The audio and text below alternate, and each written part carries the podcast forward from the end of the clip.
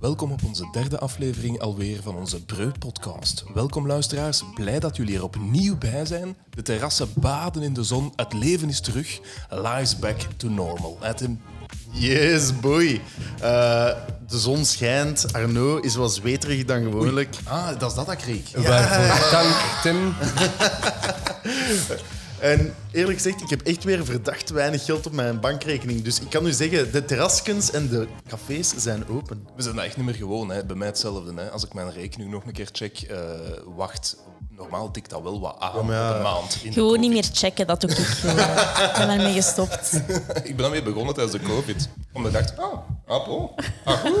Het ziet er hier beter en beter uit. Helaas nu niet meer. Ik stop ermee. Het is helemaal anders. We hebben hier een nieuwe gast aan onze tafel, Arno. En eh, zie ik dat nu Hallo. goed? Of heb jij nu de Belgische driekleur op je wangen hangen? Of is dat gewoon als zweet, Arno? Nee, nee, nee. nee. En ehm, ik zou graag van deze gelegenheid willen gebruik maken om deze persoon recht over mij, Tim, te bedanken voor de heel toffe introductie bij de mensen. Dank u wel hiervoor, Tim. Arno, stel u zeker alvast een keer voor. eh, Misschien eh, voor de luisteraars, ja, de eerste keer. Eh, Arno Dailleur, dames en Da- heren. Dailleur, ja, ja. Dailleur. Liefst op zijn Frans uitspreken. Ja. Dit is in, in feite inderdaad mijn podcast om maagding. Die, en ik, ik Nee, had dat komt strak pas aan.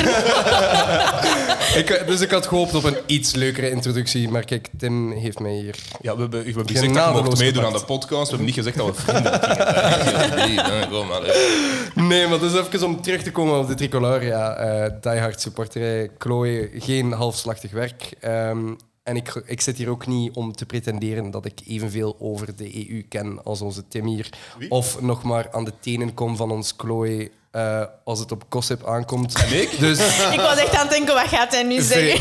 Frey zit hier duidelijk om zijn zwoele stem. Dus ik ben hier enkel en alleen om het voetbal, om een beetje over het voetbal te zeveren eigenlijk. Dat is eh, mijn voornaamste reden hier. En Ja, dat is, bed- eh, bedankt dat ik hier bij mag zijn. Absoluut, maar heel graag wel gekomen. Als breuken van, eh, van Open VLD Brussel zijn we maar wat blij dat we nog een echte Brusselaar erbij kunnen hebben, zoals altijd. Ja, het Dus- li- licht West-Vlaams accent zit Ah, dat zit is in de dat familie. dat Ah, is dat, Oké, definieert u dat als licht? Ja, ja, ja. Het is Ik dacht dat je licht. Want, want als, ik, als ik hiermee terug ga naar West-Vlaanderen, word ik echt gestenigd. Ja. Allee, dat is goed. Voordat je verstenigd wordt, eh, zou ik zeggen, we beginnen gewoon aan de podcast. Perfect. Eh, klein, kleine tip van de sluier. Arno heeft het inderdaad al gehad over, eh, over DK. Ik denk dat we er eigenlijk niet eh, omheen gaan kunnen. Eh, maar dat bespreken we dan Sabiet wel. Welkom terug allemaal bij Breu Podcast. As President of the European Council, I will bring my vision, my common sense, and my optimism to the European project. I want to build a spirit of common good and trust. For me, that means listening to everyone. Can you hear me now? Yes, yes, we can hear you. Okay. Also guten Tag und guten Nachmittag, guten Abend, guten Morgen. First time since 1973. We will be an independent coastal state with full control of our waters. Au revoir, la grand-mère. in this great city which boasts 1,000 years of history and which serves as the capital of Belgium, the home of the European Union and the headquarters for NATO. Opnieuw welkom, welkom opnieuw op de derde aflevering van Breu Podcast. En ja, die laatste man die was over het laatst in Brussel, dus we gaan dat misschien ook nog wel horen straks in de podcast. Joe Biden in Brussel voor van alles en nog wat. Ehm, maar eerst en vooral welkom opnieuw op onze podcastaflevering gemaakt door Jong VLD Brussel. Die gaat over onze mooie stad, Brussel natuurlijk, en de Europese Unie waarvan ze de hoofdstad is. Zoals al gezegd, welkom Arnaud Dailleur. Arnaud Dank u, Dailleur, dank u. Tof om erbij te zijn. Tim is er natuurlijk ook weer bij. En Chloe.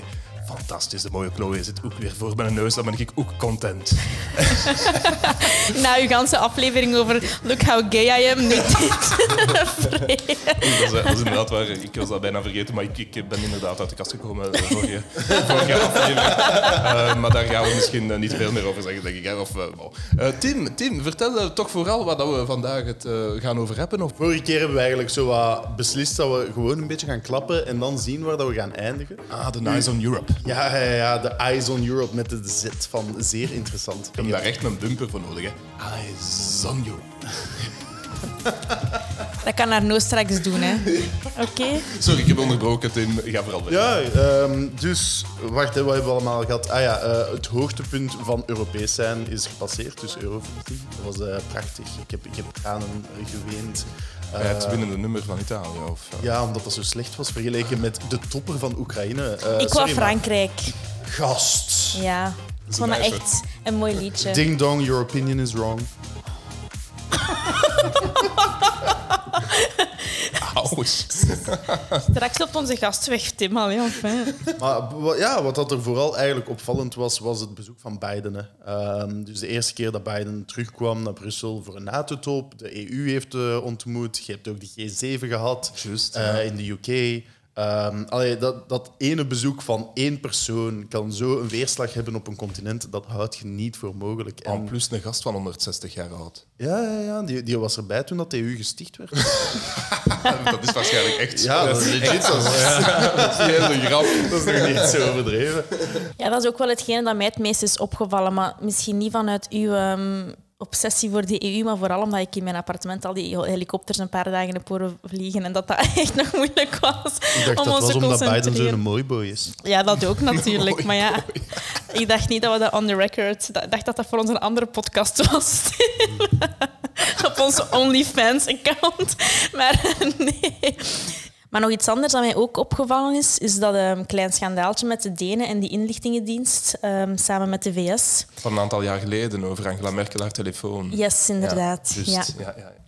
ja, nog iets anders dat mij is eh, opgevallen, of dat toch is gepasseerd, is, is dat klein schandaaltje met die Deense inlichtingendienst, die blijkbaar eh, Angela Merkel een paar jaar geleden in samenwerking met de VS hebben ze de afluisteren. Ehm, Haar een telefoon, het was dat, hè? ja, ja, zoiets. Ja, ik was er niet bij, maar ja, dat heb ik toch gelezen.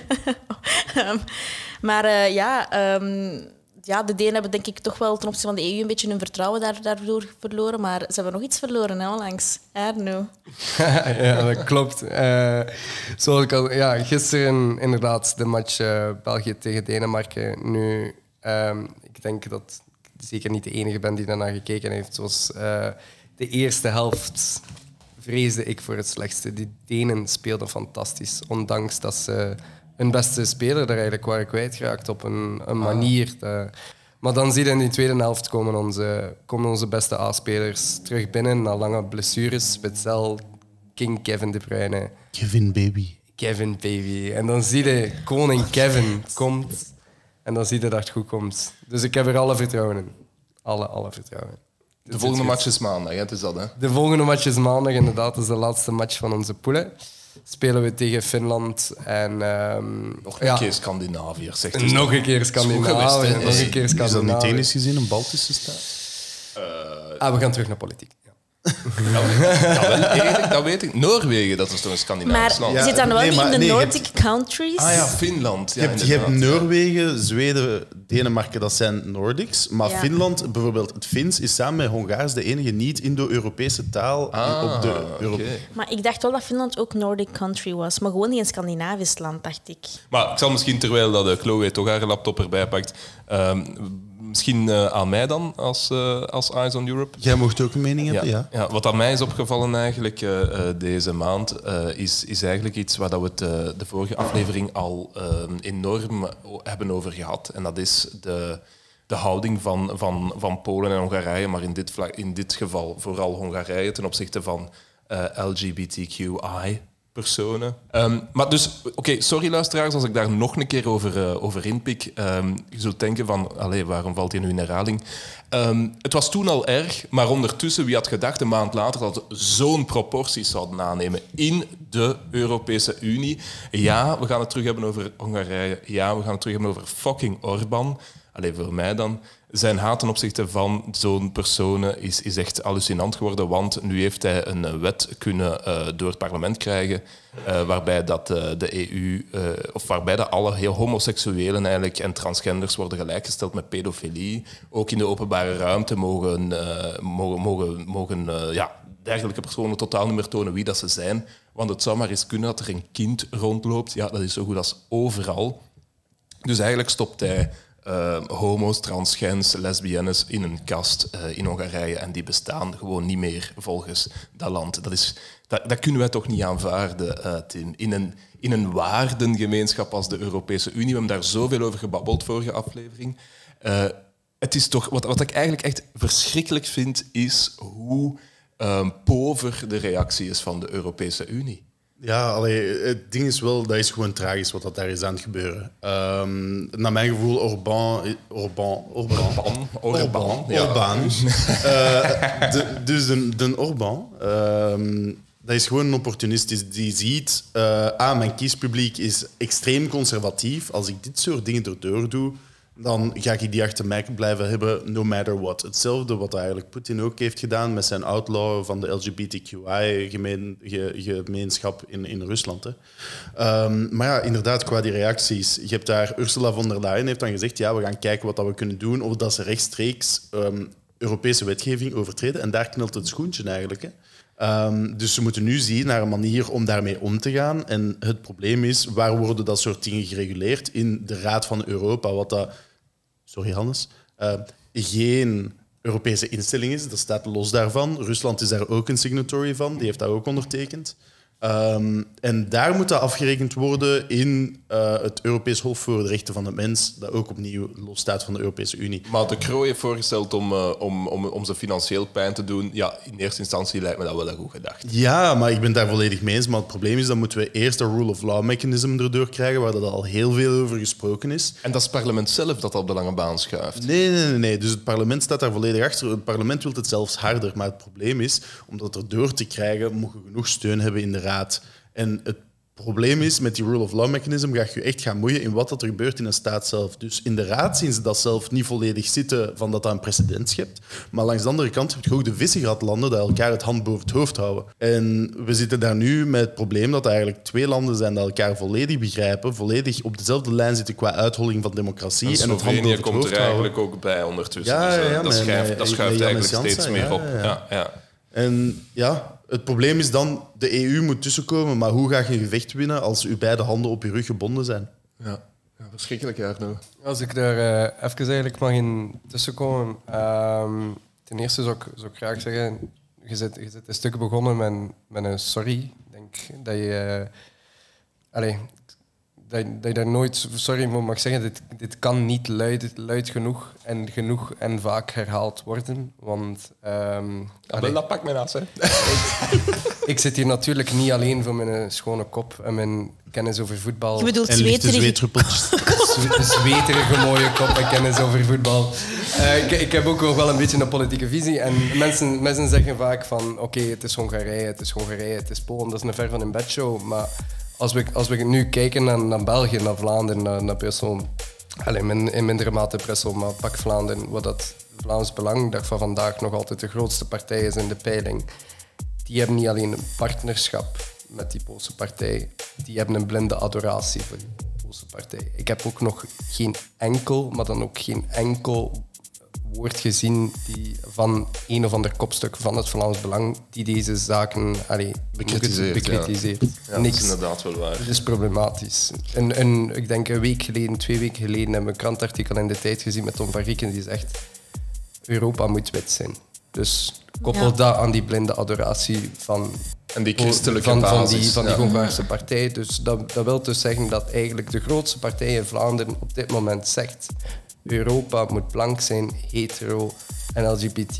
Oké, ik kan zeggen ver van mijn bedshow, maar de- allee, sommige politici die, die om een of andere reden heel populair zijn door polarisatie, die, die staan hier gewoonweg achter en dat is problematisch. Dus dit kan niet genoeg herhaald worden dat dit heel fout is, ook bij ons. Nou, ik denk dat we gewoon allemaal, allemaal mee akkoord zijn. En Chloe, je wilt daar nog iets over zeggen? Ja, inderdaad. Ik wou nog, nog even oppikken op iets wat dat Jij vorige keer... Ook ik. Ik denk dat je best gewoon opnieuw... Ja, zeg nooit nooit, hè, Free. Allee, ik bedoel, ik ga, hier- ik ga hier geen statements maken die ik misschien niet voor de rest van mijn leven kan waarmaken. Dus, eh, nee, Please ik do. was aan het... Is zijn broek aan het uit. Nee, dat is al, dat is al tien minuten om onverklaarbare redenen. Nee, nee, nee, maar ik weet nog, Freek, dat jij vorige keer zoiets zei van... eh, ja, dat begint met... eh, het lijkt misschien niks of het lijkt misschien niet belangrijk, maar dat begint met dan LGBTQI-personen en dan gaat dat naar vrouwen en dan gaat dat naar dit Ja. en dat. En ik weet dat, dat ik deze, dit, deze week ook echt dacht van... Amai, hij heeft echt gelijk, dat is waar. Hè. De keer dat ze eigenlijk bij een groep of zo beginnen te...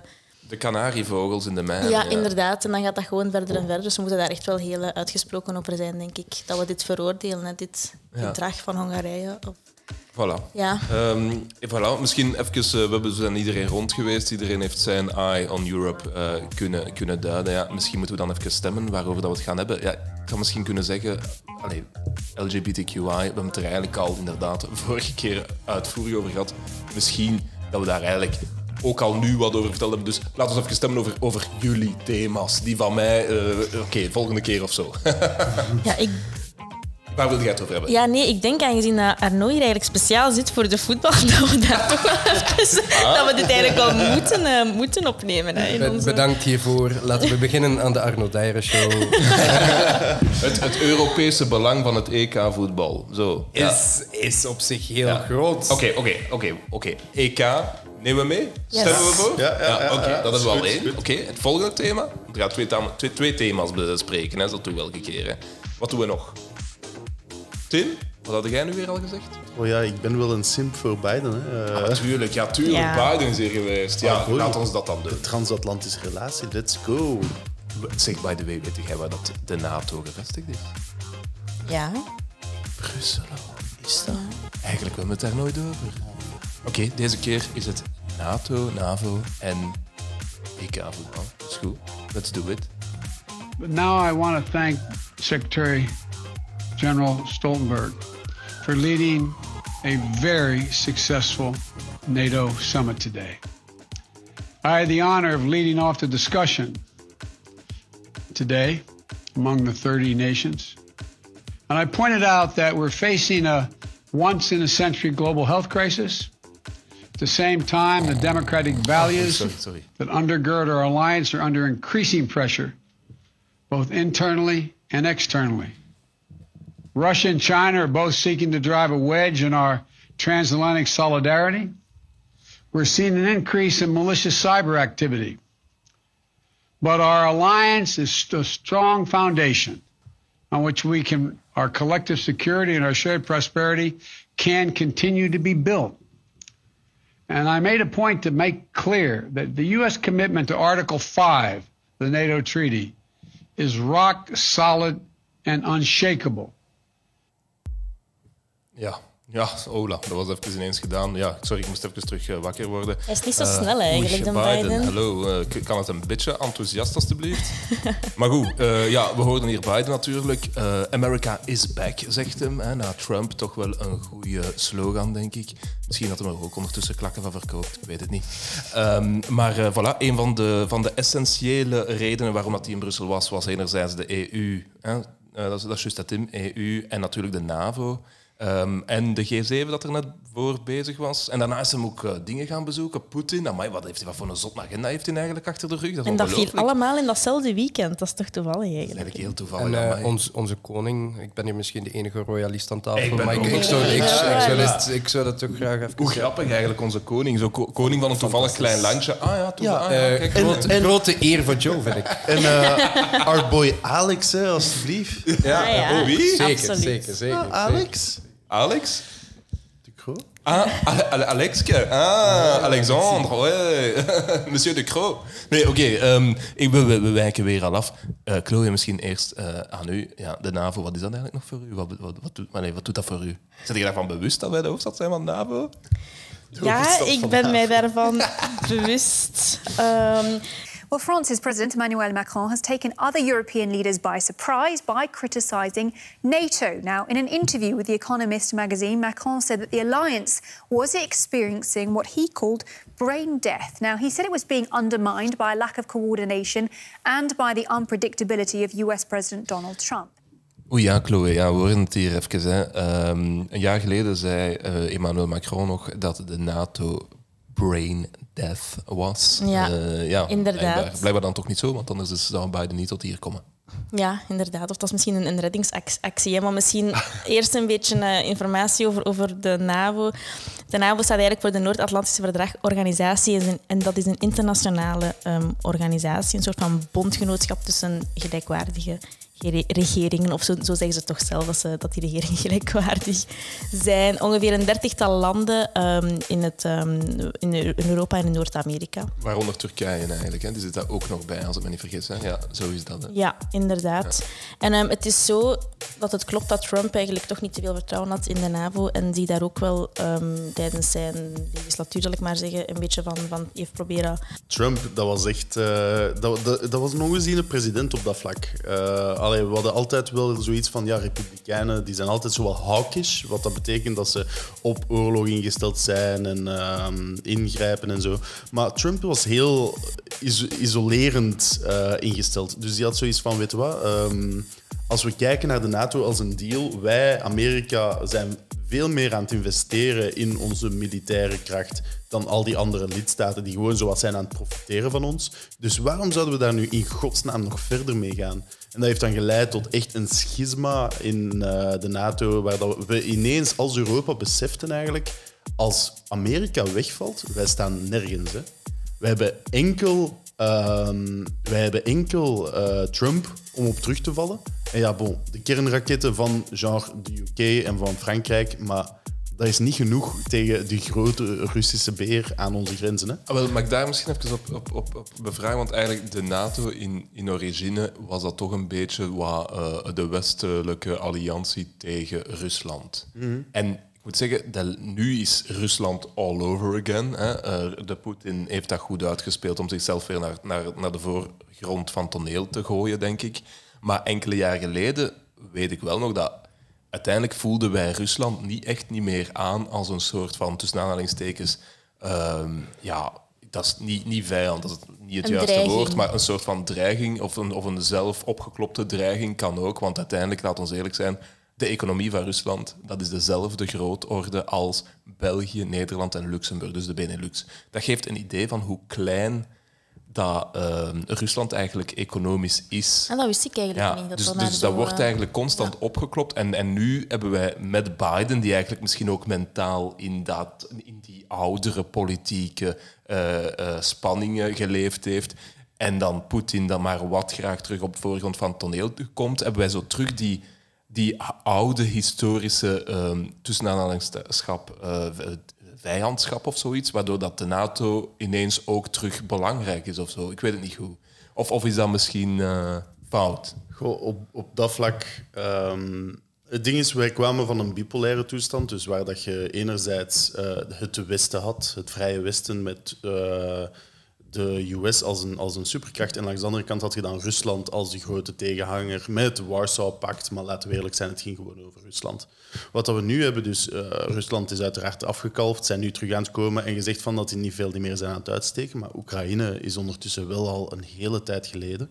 Dat was een ronduit een act of aggression en wij stonden erbij en, En dat is ernaar. nog altijd bezig, hè? Ja, die Russische ja. annexatie. Ah, van, wel, ik wil eh, misschien zeggen, het was tot op dat punt inderdaad. Voor de Krim was Rusland ja, een, een blijtend kind in de noek, zal ik maar zeggen, in, in de kleuterklas. Eh, en en, en die, die, die Poetin heeft zichzelf wel terug op het toneel geforceerd. En die doet constant alsof dat hij een machtig land heeft. Maar dat is niet zo. Ja, maar het ding is, hij heeft slim gespeeld. Hij heeft gezorgd voor genoeg interdependence. eh, dat we afhankelijk zijn van elkaar. Weet je dat bijvoorbeeld onze gasimport van Rusland is 40% van onze totale benodigdheid als In de Europa. EU. In de EU, Ja. hè? ja. 40% daarvan komt uit Rusland. Als die beslist om de kranen dicht te draaien, we hebben geen verwarming meer. Hè. We hebben geen elektriciteit. Allee, dat is, dat dat voor België goed meevalt, maar voor de EU in het ja, algemeen, ja. eh, wij importeren heel veel elektriciteit bijvoorbeeld uit eh, Duitsland. Maar bon, ik ga niet over energie beginnen spreken, want dan zijn we weer vertrokken voor een eeuw. Eh, maar waar dat eigenlijk om neerkomt, enerzijds, ja, je hebt, je, hebt, je hebt Rusland, waardoor de NATO weer belangrijker en belangrijker is aan het worden, maar langs de andere kant ook China. Hè.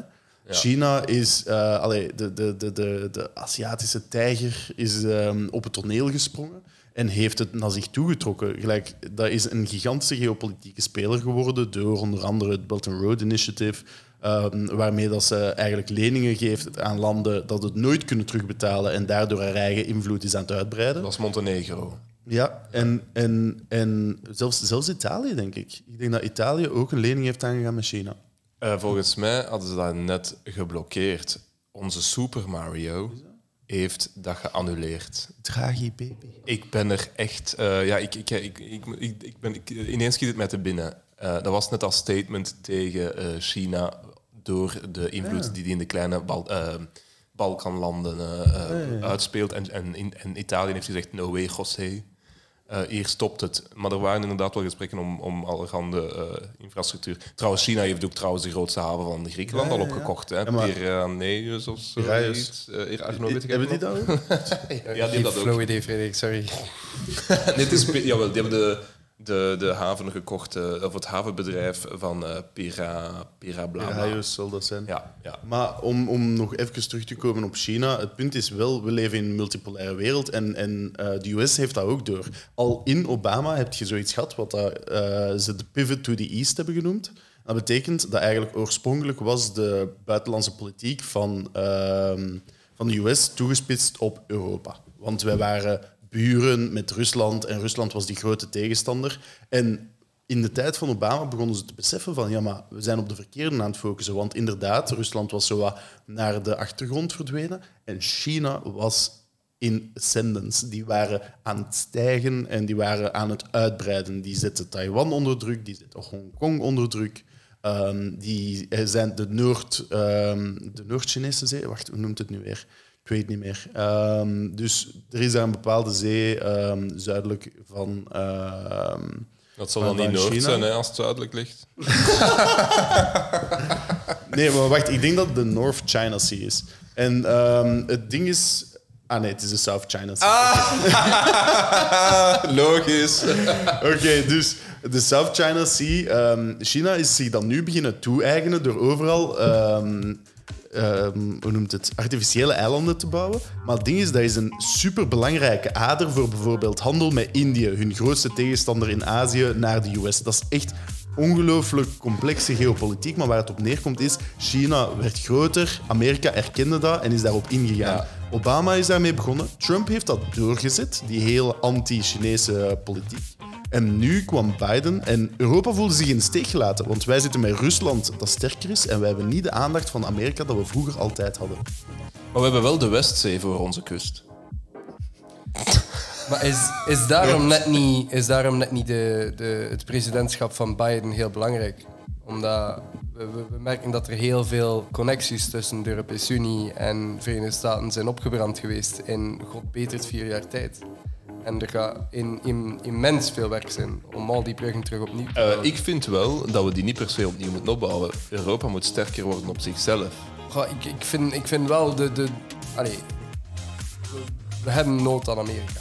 We gaan dat, we gaan dat niet ontkennen. En Europa heeft ook altijd met. eh, ook op maatschappelijk vlak, met, met een oog naar Amerika. Ja, tuurlijk, absoluut. we, we, kunnen, we kunnen niet ontkennen wat, dat, wat dat bijvoorbeeld vier jaar Trump gedaan heeft op het Europees vasteland. Als ik, als ik kijk, ja, het, het, het protectionisme die populair is geweest onder Trump, is hier hoogtij aan het vieren op dit moment. Dus ik, ik vraag me dan af als die, die toenemende polarisatie, als dat gaat verbeteren nu met een president als Biden, als Biden daar sterk genoeg voor is als president. Ik denk dat dat interessant gaat zien hoe, dat, dat zich gaat evolueren de komende jaren. Eigenlijk, Biden had verschillende strategische gedachten eh, in zijn hoofd wanneer hij naar de NAVO kwam. Want de NAVO is altijd een verstandshuwelijk geweest. Het is, het is wat voor wat. Allee, ehm, niet vergeten, artikel 5, we zijn de, als wij worden aangevallen, vallen wij, allee, verdedigen we elkander, is één keer ingeroepen geweest door de US in 9-11. Eh, Biden is dat niet vergeten. Die weet dat wij als NAVO daar toen hebben gestaan voor hem en samen eh, Irak hebben aangevallen. Natuurlijk, daar kan nog veel inkt over vloeien, maar waar het op neerkwam was, het bondgenootschap had zichzelf bewezen. Ah, dat wist Dus- ik niet, dat dat de, algemene oorzaak was van die invasie toen der tijd. Ja, maar de US ging het sowieso doen, maar Bush heeft toen artikel 5 ingeroepen, waardoor dat wij eigenlijk verplicht waren om mee te gaan. Natuurlijk, dan mocht je dat beslissen, whatever, bla bla bla. Maar het punt is wel, de reden dat wij onszelf daar hebben ingemengd, was dankzij de artikel 5. En hoe moeten we nu die onderrondje, dat onderrondje bekijken tussen eh, Biden en ehm, Poetin in Genève? Want hij is vanuit Brussel direct naar Genève gevlogen en hebben zich daar opgesloten, Poetin en Biden, in een schoon kasteeltje. Ja, maar de- dat, is, dat is complexer. Daarvoor moeten we eerst even teruggaan naar wat dat Biden naar, naar Europa is gekomen voor met NAVO te doen. Enerzijds is hij naar hier gekomen voor te bevestigen van eh, de US is terug, wij gaan staan achter jullie. Als jullie artikel 5 inroepen, gaan wij hier staan. Niet zoals dat, eh, Trump zei van, ah, ik weet niet, we gaan wel zien hoe dat het dan is, hoe dat Maar- weer is, maar heeft-. Nee, nee, Trump zei, ik heb het hem gevraagd en eh, hij, hij heeft gezegd dat hij geen invloed heeft gehad in, eh, in de verkiezingen en ik geloof hem, want hij heeft blauwe ogen. Heeft Trump echt gezegd. Mon Dieu. Chloe, sorry, ik heb je onderbroken. Nee, maar heeft, heeft Trump ooit ehm, financiële bijdrage teruggetrokken naar de NAVO? Of niet Dat is echt? een goede vraag. Het is niet dat er nu echt... Het is gewoon even herbevestigd, maar eerder Ik, ik denk, lokaal, niet echt... Van, van de NAVO weet ik niet, maar ik weet, ik weet wel van, van de VN heel veel. Dus we, allee, het is wel een algemeen tendens geweest om hem zoveel mogelijk, om Amerika in die vier jaar dat Trump aan de macht was, om zoveel mogelijk terug te trekken met internationale organisaties, be het de VN, be het andere zaken. Te isoleren NAVO, echt, ja. NAVO weet ik dus niet. En dat is, ik denk dat dat heel nefast is voor de Europese Unie ook. Omdat, allee, je kunt niet ontkennen dat de Verenigde Staten nog altijd onze naaste bondgenoot zijn op mondiaal geopolitiek vlak. Ze staan nog altijd het dichtste bij ons. Ze zijn nog altijd het meest westelijke land, het dichtste bij ons. Oké, Zeker. we, hebben, we hebben nu vier jaar afgezien, maar letterlijk afgezien. En het feit dat er nog altijd zoveel mensen zouden stemmen op hem is beyond me. Maar bon, we, hebben, we hebben afgezien, zijn er heel veel bruggen verbrand. En de, de macht van Amerika in al die internationale organisaties is enorm teruggetrokken. Waardoor dat, dat landen als Rusland, China daar, daar heel veel macht hebben gekregen in de laatste jaren. En dit kan heel nefast zijn voor de Europese Unie. Dus dat- nu is het heel goed. Eigenlijk, ik ben een enorme fan van Biden, omdat hij daar sterk op inspeelt. Op die internationale samenwerking, op die samenwerking met de EU. En hij heeft ook al meermaals gezegd, we gaan terug in dat klimaatpact, we gaan terug meer onze invloed laten gelden binnen die internationale organisaties. En ik, ik denk, ik- ja, ik, ik, ik hoop en ik denk dat dat heel goed kan zijn van de Europese Unie ook, dat die, gewoon die transnationale relatie versterkt wordt. ja. Ik hoop het ook, maar ik hoop wel ook dat de EU zichzelf versterkt. Ja. En niet opnieuw gewoon aansluit bij de gedachte... Ah, het is terug oké. Zeker, en dat, Amerika is en dat is, in, dat is intern te ook nodig, maar ik denk als je een sterke bondgenoot hebt die je daarin steunt, Ja, ja, dat wel, dat wel. is dat veel gemakkelijker. Want anders, anders sta je er alleen voor. Is uw naaste bondgenoot ook gewoon protectionistisch? Is dat veel moeilijker, denk ik. Dus nu is dat intern makkelijker voor te hervormen als je ziet dat uw naaste bondgenoot ook voor het internationale staat, voor de samenwerking staat. Denk Maar ik. dat, eh, dat, dat, de- dat de NAVO nog niet dood is, ja, dat kunnen we hier in Brussel zien, hè, Chloe, want die hebben een fantastisch mooi nieuw gebouw, heb je het al gezien? Nee, eigenlijk niet. In Everen, nog niet voorbij Nee. gereden. Dat is wel indrukwekkend. Ja, Dat en hoe lang het daar al? Bah, twee jaar. Ja. 1,2 miljard heeft het gekocht, gekost. We zullen eens samen moeten gaan kijken. Ja. En Amerika heeft, het- heeft, meer, heeft, heeft eigenlijk een enorm- deel van de Ja. bouw betaald. Dus eh, daar komt Trump niet meer onderuit. Eh, en België heeft ook iets gedaan, want die hebben de grond gratis ter beschikking gesteld. Leuk, hè? Heel tof. En ehm, dus ik zou misschien, allee, om, om, allee, om even de, de architecturale tour op te gaan, ik mag dat af en toe een keer doen. Hè? Dat mag, hè? Ehm, weten jullie waarom dat de NAVO in Brussel is? Nee. Ik, ik kan wel een gokje wagen. Waarschijnlijk omdat België weer zo een landje was waar dan niet te veel ruzie rond ging ontstaan. En dan Ah, dachten ze, nee. doe het daar maar. Ah, oké. Nee, klaar? Nee, eh, e- echt waar. De, de, hoofd, de, de thuisbasis van de NAVO was in Parijs. En dat eigenlijk voor, voor, voor eh, heel lang, eh, dat was eigenlijk de logica zelf, samen beslist dat de thuisbasis van de NAVO in Parijs zou zijn. Maar, ik denk in 67, maar ik ben niet meer zeker, trekt Charles de Gaulle zich met zijn leger uit de NAVO en zegt de NAVO, bah, dan zijn we weg. En daarmee is er een hele verhuis op gang gekomen van Parijs naar eh, Brussel. En dat speciaal gebouwde gebouw in Parijs, best nog mooi, eh, bestaat nog altijd. Dat is nu een onderdeel van de Université de Paris. Eh, en in Brussel moesten ze dan eigenlijk een- in zes maanden een nieuw eh, hoofdkwartier bouwen. En dat is dat waarom dat, dat zo lang zo'n lelijk krot was eigenlijk tegenover het nu huidige nieuwe gebouw. Maar ik heb eigenlijk een, een audiofragmentje. Ik ga het even opleggen. By the end of 1967, the Atlantic Council decided to move NATO headquarters from Paris to Brussels. I most warmly welcome Van de Boeinans. The North Atlantic Treaty Organization. It was built in six months or seven months. It was incredible. General de Gaulle at the time decided that he was withdrawing French military from the organization and also asked the organization to move outside France. NATO said farewell to Paris, its headquarters for 15 years. When President de Gaulle withdrew French support from NATO's military establishments and asked them to leave the country, the alliance also decided to move its political headquarters. That was a bit of a shock. I sort of accepted the idea of moving on elsewhere and stay with NATO, whatever happened. I would say that uh, for those of us who liked Paris, the big difference was the difference between Paris and Brussels. Brussels in those days was very provincial. There were many things that you couldn't buy here that could, you could buy uh, anytime in Paris. When I first came, I was in a hotel in, in, in the centre of town.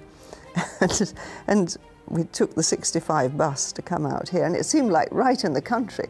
And of course, now you see everything is built up around. Ja. Een stukje Moeilijke- geschiedenis. Ja, moeilijke evolutie, moeilijke verhuis van Parijs naar Brussel. Eh, mensen waren niet echt content, eh, Nee. blijkbaar. Ik ben letterlijk van Parijs in 2018 naar Brussel verhuisd en it has been an improvement. Zit jij, heb jij in Parijs gewoond? Ik heb in Parijs gewoond. Ah, Frans vandaar, Brieven, de ruimte verlaten.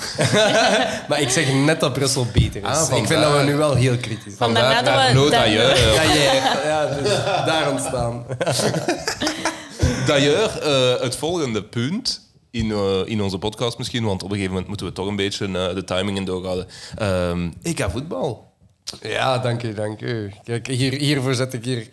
dus, eh, Heb je dat liedje al gehoord? Van, eh, van Shakira. De... Nee, hè? deze keer niet. Wacht, ik ga het ook eens opleggen. wie? It's time to play harder. It's time to cheer louder. Dat is Martinez dat dat zegt, hè? It's time to dream bigger. Aan het stadhuis van Brussel. Devil time. Dat is het EK-lied van, eh, van de voetbalbond. Eh, bedankt, Free, hiervoor. Ik denk niet dat dit nog uit mijn kop geraakt voor de komende twee weken. En ik weet niet of dat zo positief is, maar toch bedankt. Al is het tof? ik doe geen oog toe. Hashtag Devil muzikaal was het pijnlijk, maar kijk, Maar alles, alles, alles voor de duivels is goed voor mij. Oh, man. Oh, ik, heb, ik heb nog liever Coldplay op de radio, ik ga je eerlijk zeggen. Oei, oei, oei, dat is wel erg. Allee, kom aan, dat is wel het voetballied van, eh, van, van de voetbalbond, hè? De Belgische Ah, wel, ik heb, ik heb eigenlijk een vraagje mijn over al. al, Want elke, elke keer als dan zo EK of WK is, of is altijd zo'n liedje. Maar in hoeverre is dat zo officieel? Van, Dit is wel een officieel lied van hun. Dus- Allee, ze hebben dat uitgebracht, dus ik weet het niet. Maar Ja. dan is dat de Belgische voetbalbond. De Belgische En is er ook een soort van Europees ehm, EK-lied? Ik Onze intro? eh, The champion! Ah, nee, Maar nee, maar het. bijvoorbeeld, maar ik was er al even mee aan het lachen, dat ganse lied van Shakira, zo ehm, ehm, It's time for Africa. Nee, ik weet, ik Wat- weet wat voor, de, voor, was de, dat voor de dan? WK's maken ze altijd wel een WK-lied. Ah, maar ik, goeie vraag eigenlijk. Ik weet, ik weet de niet of, dat ze, of dat ze een officieel EK... Ik moet, ik moet wel zeggen, voor EK... Je merkt altijd, voor, voor een WK is het altijd... Dat is nog iets zotter. Allee, Ja, dus, dat, dus altijd zo'n een, gigantische openingsshow. En allee, er was hier ook wel een openingsshow, maar het is niet in de mate van een WK. Maar ehm, als je dat nu toch een keer puur mondiaal bekijkt. De, je, hebt, je hebt een paar Zuid-Amerikaanse landen, like Brazilië, Argentinië en allee, eh, Chili nog of zo. Maar voor de rest, al de beste voetballanden ter wereld is Europa. Dus eigenlijk een EK is zo goed als buiten die paar Zuid-Amerikaanse landen is op hetzelfde niveau als een WK. Gewoon omdat... Ja, Het, twee- het tweede beste toernooi ter wereld. Zeker, zeker. Omdat een, een WK is eigenlijk een. allee, je hebt veel meer ploegen natuurlijk, maar in, in de laatste rondes dat is een EK met nog een paar Zuid-Amerikaanse ploegen. Omdat dat in, allee, het is in Zuid-Amerika en in de Europese Unie dat allee, Engeland nu weg helaas, maar dat, dat voet- voetbal de. Maar ze dus blijven wel in het de- EK. Hè? Dat, ja, is, voilà, dat zo, is gewoon... Zo alsof hypocriet gaan doen, kan, ik, kan er niet bij. Maar, Maar ja, bon, zelfs, zelfs eh, Turkije, is, eh Azerbeidzjan, ik weet maar ja, niet. ja, ik weet kijk, niet- het is een Europees kampioenschap. Ja, maar dus het is geen EU-kampioenschap, het is geen hè? EU-kampioenschap, ja. inderdaad. Nee, dat is waar. Maar ja, zouden Europa we die Russen niet zo kunnen Europa als inmaken? grondgebied is wel nog altijd iets anders dan de EU. Hè. Voilà, maar het is, het is ook het eerste jaar dat er zoveel landen meedoen. En wat dat ook uniek is dit jaar, is dat er, op, dat er in verschillende landen worden gespeeld. Dus normaal gezien... Ah, in verschillende hoofdsteden, dat is het, ja. ja. Ja, ja, ja, ja. dus Kopenhagen bijvoorbeeld hebben we nu al gespeeld. En, eh, ik, denk, Rusland. ik denk zelf niet altijd hoofdsteden. Ik denk dat wij in Sint-Petersburg hebben gespeeld en, En niet in waarom, Moskou. waarom wordt dat eigenlijk gedaan? Ik weet de ratio daar niet achter, maar ik vind dat op zich wel tof. Ik vind het heel jammer dat, dat, dat België daar allee, op een heel allee, ambetante wijze dat wij, dat wij eh, niet kunnen Het is een, aanbieden. verschrikkelijke, een verschrikkelijk feit dat wij, Dat de openingsmatch normaal gezien in Brussel, in Brussel moesten spelen. eh, Euro 2020. Heel jammer. Het stadion Heel, op de jammer. moest er staan. Ja. Ik moet wel zeggen, het is... En wacht, wat is er gebeurd? Het, ah, het, het probleem is gewoon, de plannen waren klaar, dat is met Gelamco. Hè, dus Ja. heel, heel, heel, heel het stadion was klaar. Eigenlijk ook de politieke wil was er dan weer wel, maar dan blijkbaar moet je dan toch weer concluderen dat zoiets in Brussel niet mogelijk is, of in België, omdat die, die, die institutionele lasagne in Brussel, eh, in, sorry, in België elke keer, eh, blijkbaar... ehm, ehm, ja, niet werkt. En, en, ja. en, en het probleem is eigenlijk hier geweest, maar dat is, een, dat is maar een symptoom. Hè. Dat, dat, is, dat is geen oorzaak.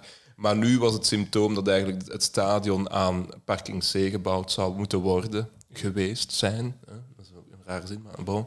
Eh, En dat lag op het grondgebied van Grimbergen. Maar het was Brussel-stad die de grootste eh wil had, van de Alain Courtois denk ik dat hem eh, heette. Die was vooral zo wat de, grootste fan. Guy van Engel was ook een enorme fan voor, voor, voor dat stadion. Ik denk eigenlijk iedereen in Brussel op zich, elk welk denkend mens, ziet ook wel dat België een, een nationaal stadion, ah, ik zou maar zeggen toch een stadion van die ampleur nodig heeft. Je ziet het wel vandaag, want we kunnen zo'n match niet niet in België laten doorgaan. En dat, is, he- dat is echt heel erg. En dan maar kunnen we dat niet in een ander stadion kunnen maar we laten hebben, we, hebben geen, we hebben geen UEFA-approved. Zelfs niet dat van Gent. Hè. Ah, Dat, dat- van Gent is ook niet in orde. Hè. Dat, dat, dat is te Dat- klein. Ah, dat is gelijk zwembaden. Dan Dat moet is je echt raar, doen. dat is nogthans het ja. mooiste stadion ter wereld. Dat vind ik nu niet, maar bon, het is dus echt... Voor, België, misschien voor, wat subjectief. voor Belgische standaarden Het is dat... stadium in Dublin is echt... En nu Eh, moeten onze bepaalde- Rode Duivels ja. gans naar Rusland. Op Ja, en, en eh, heel tijd reizen. En, ja, het, Dat is niet het zo is zo, zo jammer dat we, we, hebben- we hebben zo'n ploeg. En dat die, dat die niet... Allee, het, het is ook... We gaan er niet flauw over doen. Het is, het is het laatste van de gouden generatie dat we nu zien. Ah, wel. Is dat nu zo, Arno? Is, is dit het, het- de laatste eh, kans om het, om het effectief Allee, te verwezenlijken? eh, ik, ik wil maar iemand quoten. Dat schijnt is die een docu redelijk goed, hè? Doku is, heb ik ook al gehoord, zelf een Mbappé. Docu, een documentair. nee, Doku is, ons, is Ah. onze nieuwe ster van Welke voor. documentaire? ik, ik ken Dries, Kevin, Lukaku en dat is al. Dus voor de voetbal, voor, moesten voetbalfans dat luisteren. Inderdaad, de docu is ons nieuw talent van voor. Zelf Mbappé, die nu wordt gezien als allee, de nieuwe Messi of de nieuwe Ronaldo, zegt wat ik, eh, wat ik docu al zien doen heb in Frankrijk. Op die jonge leeftijd, die snelheid van, eh, die, die startsnelheid is fenomenaal. En dat is een Dus Belg. Dat is een Brusselaar. dat is een Belg, ja. En eh heeft ook al, allee, heeft Kaps, hij is mee op TK. Eh, ik verwacht ook wel eigenlijk dat hij minuten maakt in die laatste match tegen Finland. Eh, En- en dus ik, waar is hij van? Ik verlang eigenlijk wel om hem te zien spelen. Van waar komt hij? Ik denk Brusselse, ja. Ik denk, Is het een Brusselaar? Ik, Ah, maar ik ben maar dan we nieuwe fan bij. Dan moet hij eens uitnodigen voor onze ja, podcast. sla- Sla me hier niet dood als ik hier fout maak. Ik, ik, ik weet het niet heel En nu nog zeker. een product van Nederlandstalig onderwijs in Brussel? Helemaal. Nee, ik weet het- En ik we hebben onze campagne. Woe! Hij kwam van niet. Anderlecht, volgens Google. Ja, ja, ik kwam van Anderlecht. Ja, hij is, eh, zit bij de jeugd van Anderlecht en het is daarom dat ik ook denk dat hij, dat hij van de Coté is. Maar het kan heel goed zijn dat hij gewoon in, in de jeugd allee, van vandaar naar Anderlecht of zo. Ik weet, ik, weet het niet, ik weet het niet heel zeker. Maar hij zat al sinds bij Anderlecht. En daar was het echt al een, een talent. En, eh, maar om op uw vraag terug te komen, is dit de laatste kans? Misschien nog het volgende WK, maar ik, ik denk dat het nu wel moet gebeuren, ja. Ja, ja, ja. En gaat het gebeuren? Ik heb er veel vertrouwen in. Oprecht veel vertrouwen in. Want Ik had dat niet in de, in de eerste... Als de, als, allee, als, de puur op papier, als de puur op papier kijkt en misschien niet het sterkste elftal, dan is, dan is dat altijd Frankrijk. Altijd. Maar als je puur op ervaring kijkt en zie hoe nu die, die tweede helft, eh, die match gisteren, dat Witzel inkomt, dat koning Kevin binnenkomt, dat Hazard... Die, Koning Kevin. Koning Kevin, ja. Ik, ik wil hem niet anders vernoemen. Die mens komt 10 minuten in die match en die scoort een assist. En een, allee, Ja, dat was echt zo van, ik fix het en hier die maakt een assist. En echt... Allee, We- dus eh, kwamen die, zijn heronderhandeling van zijn contract, dat was wel eh, terecht dan. Is zeer terecht. Zeer terecht. Maar ik, mag ik even gewoon een bedenking maken? Want allee, ik ben ook wel een grote fan uiteraard van de Rode Duivels. En zeker ook zo het, al het gefeest en al zo de vibe die daarbij komt en zo. Maar ik denk misschien willen wij Belgen het gewoon heel hard. En, en zien wij gewoon niet in dat we toch niet, dat we toch niet zo goed zijn. Of dat we het toch niet gaan dat is halen. zeker een terecht opmerking. Ja. Het kan heel goed zijn dat ik hier subjectief ben, maar als je, als je gewoon ziet hoe goed dan een... Allez, ik denk op dit moment is een Lukaku in, in de vorm van zijn leven. En is die, ik durf zelfs zeggen, op dit moment de beste spits ter wereld. Kevin De Bruyne is op dit moment... Kijk, je ziet hem binnenkomen. Die mens komt uit blessure. Die echt letterlijk uit blessure. Die geven een assist, die scoren een goal. Die zit met zoveel vertrouwen. Die weten elkaar zo goed vinden. Die, die ene goal dat, dat, dat, Kevin De Bruyne die een assist geeft, dat heb ik op dit EK nog niet gezien. Zelf geen Frankrijk kunnen dit niet. Het is België die dat kan. En Allee, oké, we hebben niet de beste verdediging. We zijn, we zijn geen Frankrijk op dat vlak. Frankrijk kan drie ploegen opstellen die 2K kunnen winnen. Puur op papier. Maar ik denk dat die, een Meunier, een Kevin De Bruyne, een Hazard, heel goed op elkaar ingespeeld zijn en dat wel kunnen doen. Dus ik, Waarom is Frankrijk zo goed? Heel goede vraag. Ik, ehm, ik durf zeggen dat, ik- dat ik toch al heel lang voetbal volg en dat Frankrijk op dit moment een selectie heeft dat ik nog nooit eender welk land gezien heb. Dus puur op papier de namen zijn gestoord. Dus dat. Frankrijk het WK heeft gewonnen was eigenlijk wel terecht. Want ik vind nog altijd dat onterecht is gebeurd. Weet je wat, dat, eigenlijk, weet je wat maar- gewoon echt... Strong agree. Weet je wat dat gewoon echt kut was? Echt waar. Dat is dat je op een plein in Brussel staat te kijken en ineens ja, het verdikt valt, Frankrijk wint. Mhm. En je, je draait je om en je merkt dat je op een plein staat waar dat er 60% Fransen in je gezicht aan het roepen zijn omdat ze gewonnen zijn. Dat is de hatelijkste moment dat ik ooit ik zat in Parijs. Ja, maar dat hadden ze zelf gezocht. Ik zit hier in Brussel. maar dat was verschrikkelijk. We gaan, hier, we gaan hier even on record gaan en stellen dat de Fransen de slechtste winnaars zijn op de aarde. Dank u wel. Zo slecht. Sorry. Nee, om, dus om terug te komen, er zijn twee dingen die Europa binnen op dit moment. En dat is onze liefde voor de voetbal en onze haat voor het antivoetbal van Frankrijk.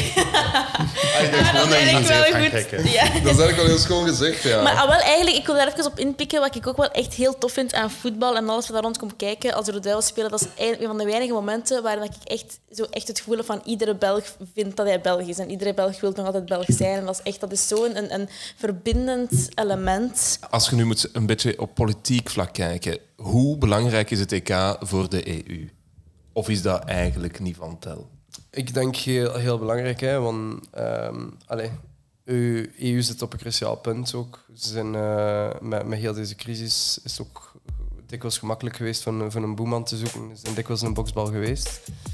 En allee, zo'n toernooi, zoals het Europees kampioenschap, eh, is, is wel iets die, die het Europees gevoel terug naar boven brengt. En nu, nu zeker omdat dat ook speelt in verschillende landen, denk ik.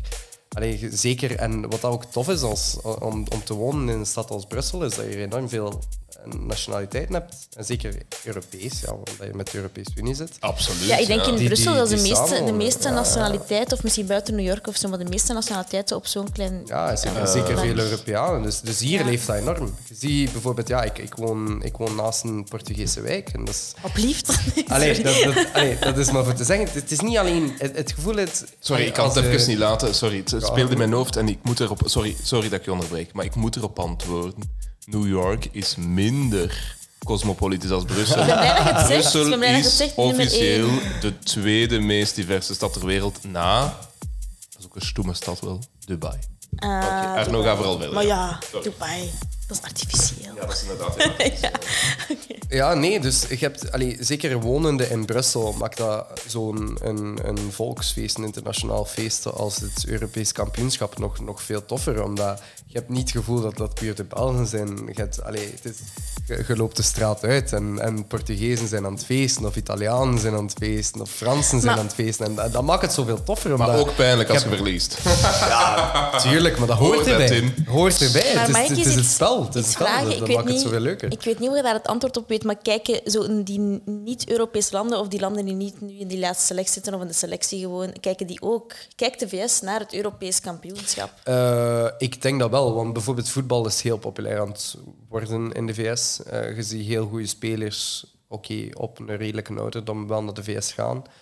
Wat ik een beetje schrik voor ben, is dat ze voor heb, is dat ze daar een beetje een nieuwe NBA van proberen maken. Ze overcommercialiseren, like American football. Dat is ik hun hoop, inbreng, Ik dat is hoop dat die- dat niet gebeurt. Die, die Super Maar ik vrees er wel een beetje voor. Ja, dat is toch een beetje We- we- gebaseerd op, op Ik eh, was- de ik was banken. Amerikaanse Ja, ja. banken. Oh, die wacht, daar eigenlijk Sorry achter man, en ik ben niet mee. Support Dus, dus oké, even over? enkel. Ja. eh, Oké, Arno, leg het even uit. Want dat is, eh, dat is toch even heel. ehm, Ze, ze gingen een nieuwe competitie maken, maar dan op, op clubniveau. Dus Wacht, de VS, de VS. Nee, Euro- in- in maar Europa. Wel, Ja. wel gebaseerd op zo UEFA. het, het, het Amerikaans commercieel systeem. Dus dat je de, de, Ja. de, de beste Europese ploegen maakt die sowieso in een supercompetitie zitten. de Super League was het, hè? De Super League, Ja. inderdaad. En Daar is er terecht, naar mijn inzien, heel veel commentaar op geweest. Want die, die ploegen zaten daar automatisch in. En ook als draaien die een, een heel brak seizoen. Die, die zitten altijd in de Super League. En dat is zo... Ons, ons beschermt ons. Snap je? Dus dat is zo'n... eh, ja, dat was en- en- gewoon en- het, het creëren van een product dat heel veel een- geld van een ging heel opbrengen. of- commercieel product, Ja, oké, veel- ja. Een beetje ging een geld, American football Ja. toestand. Dus, Het, het ging vooral om geld. Het, Ja. ging, het ging natuurlijk Ja, vooral ja, om ja. geld. En dat zijn echt eeuw, allee, bijna eeuwenoude clubs. Die Tottenham en, en, en White, of noemt dat Spur, bla bla bla. En eh, Spurs, ja, Barcelona. Milaan. eh, ja, al, al die legendarische clubs die gingen daar dan ineens deel van uitmaken. Omdat ze geld hadden, ver- hadden geroken.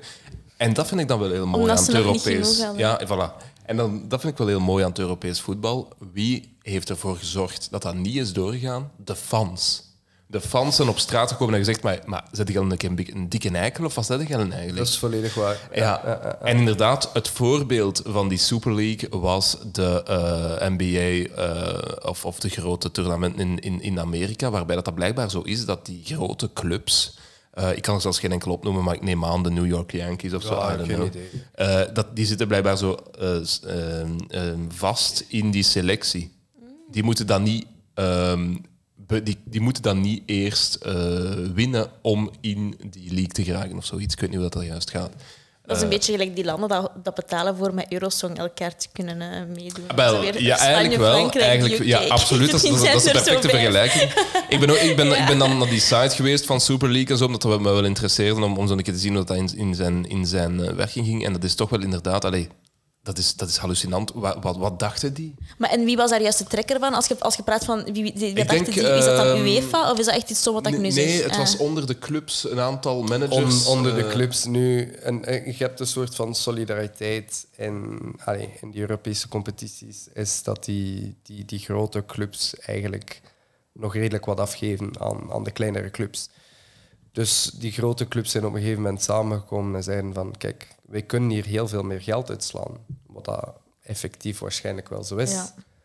Maar dat is inderdaad heel mooi wat dat Frederik zegt. En dat is echt waar. En dan zie je dat dat, echt, dat, dat voetbal de Europese volkssport is. Allee, in België misschien nog het wielrennen ook. Maar in, eh, Europees gezien is, is voetbal een hele volkssport. Is dat die, niet alleen die fans op, op tafel zijn gekomen en gezegd van no way.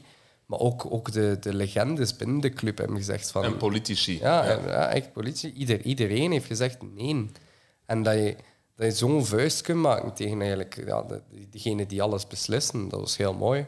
En dat, dat, dat is ik dan ook heel rap afgeschaft geweest. Ja. Misschien om daar even op in te pikken, iets anders over, over ehm, Engeland, denk ik dat dat de Engelse ploeg is. Blijkbaar is daar toch een klein beetje een, een- een, een soort, ehm, ja, nee, geen discussie, maar blijkbaar is er toch zo'n beetje discussie ontstaan over, rond het ganse knielen of niet. Ehm, die gebeurtenis voordat ze eigenlijk aan een match beginnen. Hè. Ik weet niet wat daar juist de achtergrond van is.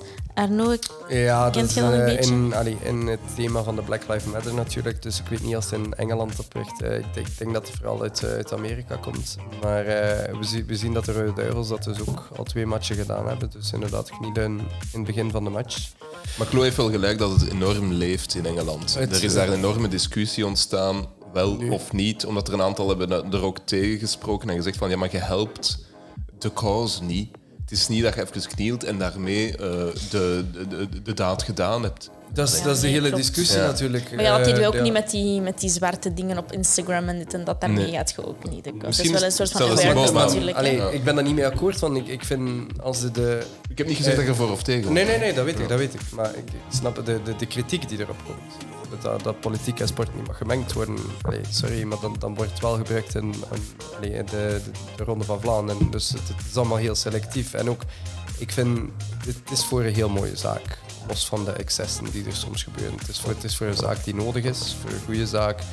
En allee, er, er wordt 10 seconden voor geknield, of, of langer, maakt niet uit. Ik vind als u daar al echt oprecht in die mate aan stoort, of voor een verzuurde mens zijn het dan. Dat is, ja, dat is ook gewoon een, een, een kans om het gigantische platform dat die sporters hebben op een goede manier in te zetten. ja. En het punt is, ja. allee, als, als sporter ga je serieus worden genomen als je in afspraak komt klappen over de geopolitieke situatie van de zuidelijke Chinese zee? Waarschijnlijk niet. Maar het punt is wel, die mannen kunnen zo wel ook spreken Zuidelijk? over zaken.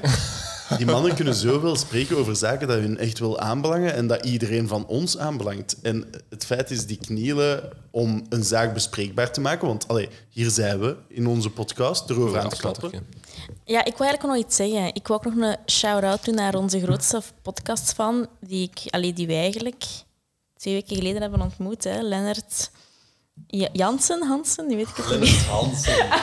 Lennart Hansen. Ja, goede beurt gemaakt, Chloe. Amai, ja, amai. We love our fans, don't we? Shout-out Oh ja, naar... zeker. eh, naar- Lennart al, hè, je weet wel. hè, Lennart, ja. Shout-out naar Karel de Bruyne of zoiets. Ik weet niet. Zitten hier ook met eh, Chloe van, eh van Orval. Sorry, Ah, maar ik wil hoor, even zeggen, Free, dat jij tot op vandaag nog altijd mijn naam fout schrijft met die twee puntjes op de O en niet op de E, zoals het gewoon is. Dus ik vind wel dat ik een kleine fout mag maken. Een kleine pat, die jongen is van zijn eer beroofd. Maar nee, ik heb hem net geïntroduceerd aan onze podcast. Dat gaat blij zijn, Eh. Allee, merci, Lennart. Ja, van, van zodra dat we geld verdienen met onze podcast, zullen we een fruitmand opsturen vol met Dus, eh, voilà, een- EU-gadgets een en fruitmand- halve liter supulair. Een fruitmand voor Hans Lennartsen, ja. Ehm, Oké, Chloe, Chloe, laatste puntje, laatste puntje. En dat is natuurlijk jouw ehm, vaste waarde in onze podcast. en dat is natuurlijk Chloe's Gossip. Chloe's Gossip is altijd de beste afsluiter voor onze podcast. Dus eh, Chloe, ehm heb jij een gossip voor ons? Ja, eigenlijk op een, op een, ehm, een beetje gossip. Maar ik heb gehoord dat vanaf eh, deze maand of vorige maand al, dat de Europarlement parlementsleden terug naar Straatsburg gaan. Het, het ding is, er is consensus in het parlement van ja, deze slaat op niets dat wij iedere keer die verhuis hebben naar Straatsburg. Kost Ja, maar- keiveel geld, langer, hè? emissies. Eh, dat, dat, dat heeft letterlijk, there is no rhyme, no reason. De enige reden dat we dat doen, is omdat dat in de treaties zit, in de verdragen. En de enige, de enige staat dat niet wilt loslaten, is Frankrijk. Omdat dat is hun grote Europese eh, aanwezigheid. Plus, En- historisch gezien, Alsace-Lorraine, dat is altijd zo'n beetje tussen Duitsland en Frankrijk, de twee grote machten in eh, continentaal Europa geweest. Dus er is wel enige symboliek mee. Ja, en ook, ik denk dat Straatsburg economisch gewoon draait op die weekends. Ehm, Goh, erop draaien zou ik niet zeggen, maar inderdaad, het is wel een grote plus voor Frankrijk om zo Straatsburg te hebben, daar op die uithoek, dat bekend staat als een Franse stad, dat ook een grote institutie heeft. Ook ehm, is, is de eh, Council of Europe daar niet gevestigd? Ik denk ja, het wel. klopt. Ja, ja, dat is waar. Ja, ik vind dat dat toch niet zo Frans hoort, hè. Straatsburg. Allee, Ja, maar ja. dat is Alsace-Lorraine. hè. Die hebben daar keiveel oorlogen over gevoerd, over dat gebied. Dat is daarom dat het ook zo mooi is dat daar het parlement is. Hè. Tussen, op zo'n heel fel gevochten gebied tussen Duitsland en Frankrijk. Maar en Brussel dan? We hebben ze, dat is een land uitgevonden om even iedereen kalm Oh te ja, maar het is daarmee gelijk. Duitsland en Hoofdstad Frankrijk van. hebben veel gevochten over Straatsburg. En in Brussel hebben ze gewoon veel gevochten te koer met gans Europa. Iedereen is gepasseerd. Maar ehm, Tim, als ik het goed begrijp, want ja, dat, is, dat is niet nu pas hè, dat dat al een beetje idioot is dat, wij dat, dat, allee, dat, dat het parlement daar elke maand een keer naartoe gaat. Maar nu, na corona, is er misschien een andere vibe binnen de personeelsleden daar gekomen. Goh, dat ze is- misschien nog meer inzien hoe idioot het is. Of hoe moet ik het, Vooral, ze hebben, ze, hebben, ze hebben ingezien van gewoon vanuit Brussel, ça marche. Dat gaat, dat is geen probleem. Allee, dat is ook gewoon praktischer, want bijvoorbeeld voor een wet goed te keuren Europees heb je die trilogues. Dus dat betekent dat de Raad en het parlement samen moeten overeenkomen hoe dat een wet uiteindelijk eruit gaat zien. Als die een consensus hebben, dan wordt dat pas een wet. Ehm, en het punt is, daarvoor moet je dus altijd parlementsleden hebben dat in Brussel zijn. Dus dat houdt eigenlijk geen steek van dat je naar eh, Straatsburg gaat voor geen reden, wanneer dat eigenlijk je actiegebied toch altijd hier ligt. Voilà, ik denk dat we hier bij onze podcast kunnen afsluiten. Eh, dank jullie wel allemaal voor, voor onze mooie derde aflevering eh, mee te maken. Chloe van Hoegaarde, Tim Bogaert, Arno Dailleur of Arno Daire. Dikke merci om erbij te zijn. En eh, ook aan onze ook, luisteraars. Ja, merci. En, vooral Lennart. En eh, aan Dank Lennart en de andere luisteraars, dank jullie wel. En tot de volgende keer. It's devil time. Devil time.